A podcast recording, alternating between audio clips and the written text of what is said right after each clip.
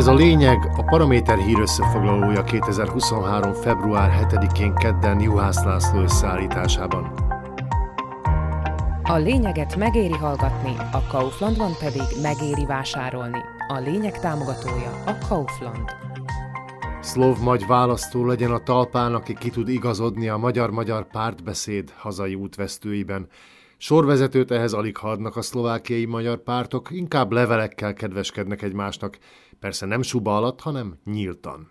A nyílt levelek sorát Simon Zsolt ex-agrárminiszter indította még az év elején.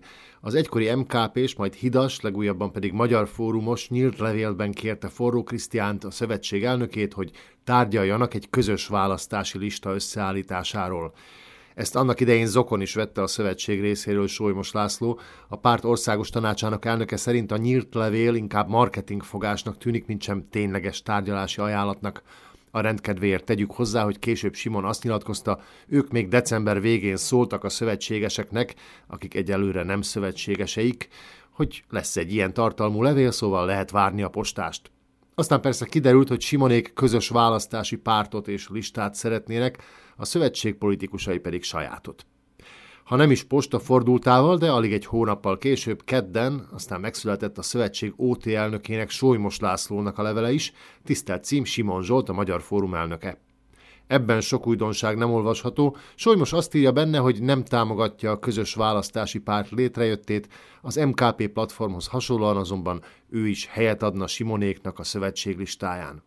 A nyílt levél az a műfaj, amihez akkor folyamodnak a politikusok, amikor tulajdonképpen nem is a címzettel akarnak valamit közölni, hanem potenciális választóikkal. Tehát kevésbé fontos a mondani való, annál lényegesebb, hogy a vak is láthassa, ők kezdeményeznek, együttműködő jobb kezet nyújtanak, megegyezésre hajlanak, csupán az a fránya másik párt, na, az nézi csak a saját kicsinyes érdekeit. És te, kedves választó, kenyéradó gazdánk, remélhetőleg átlátsz a szitán, amivel le is tudod szűrni, hogy ki a jobbik és az egyetlen. Hát mi? A szövetség úgy tesz, mintha nem akarná megérteni, a Magyar Fórum joggal érzi úgy, hogy a kezdet-kezdetén levegőnek nézték és kihagyták őket a buliból és hogy a párt politikusai nem akarnak a szövetség fejléce alatt indulni, alamizsnaként odavetett néhány x helyet kapva a listájukon.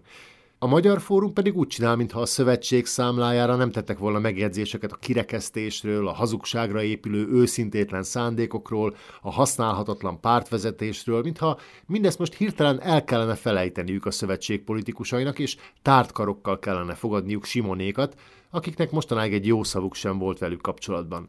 Elvárnák, hogy a szövetség dobja sutba a mostanáig ügyjel bajjal épített brandjét, és új márkanévvel, Simonékkal jól megerősítve, válvetve induljanak harcba. Ha addig meg nem gondolják magukat, pénteken minden esetre ismét találkozik a Magyar Fórum és a Szövetség, és folytatják a párbeszédet, amit még 2021 őszén a szövetség megalakulása előtt kellett volna elkezdeniük. Nincs azonban veszve semmi, hiszen a szlovákiai magyar választóknak is szól az a mézes madzag, amit ma húztak el a nép orra előtt a távozóban lévő kormánykoalíció pártjai. A parlament kedden megszavazta a majdnem ingyenes ebédeket az óvodákban és az iskolákban. Az étkezés azonban május 1 sem lesz teljesen ingyenes, mert az állam az alapanyagokra ad pénzt, a rezsiköltségeket továbbra is a szülő fizeti majd. Az ingyenes étkezést egyébként éppen a Matovics kormány idején szüntette meg a parlament, most azonban, mivel vészesen közelednek a választások, ismét kellett egy jó pont. Matovicséknek az sem számít, hogy annak idején éppen ős ellenségük, a Ficoféle Smer vezette be az ingyenebédeket Szlovákiában. Az persze nagyon jól hangzik, hogy ingyenebéd, valójában azonban jól tudjuk, hogy nincs ilyen, hiszen valakinek ki kell fizetnie az alapanyagokat, és ezt ugyan az állam teszi, de a mi pénzünkből amit adóként és egyéb járulékok útján befizetünk az államkasszába. Az ingyenebét hozzávalóit nem olyan pénzből vásárolják, amit direkt ezért nyomtatnak. És mivel Matovics nem szokott a szomszédba menni egy kis pátoszért vagy túlzásért, ma is büszkén jelentette ki, a családbarát Szlovákia falába egy újabb fontos téglát építettünk bele, csak az a gond, hogy ez a bizonyos fal már olyan magas, hogy nem látni tőle a családbarát Szlovákiát. Ez volt a lényeg 2023. február 7-én kedden Juhász László összeállításában. Kommentált hírösszefoglalóval legközelebb holnap este jelentkezünk a Paraméteren, podcastjainkat pedig a Paramédia rovatban találják, illetve a Spotify, az Apple Podcasts, a Google Podcasts és a Podbean platformjain.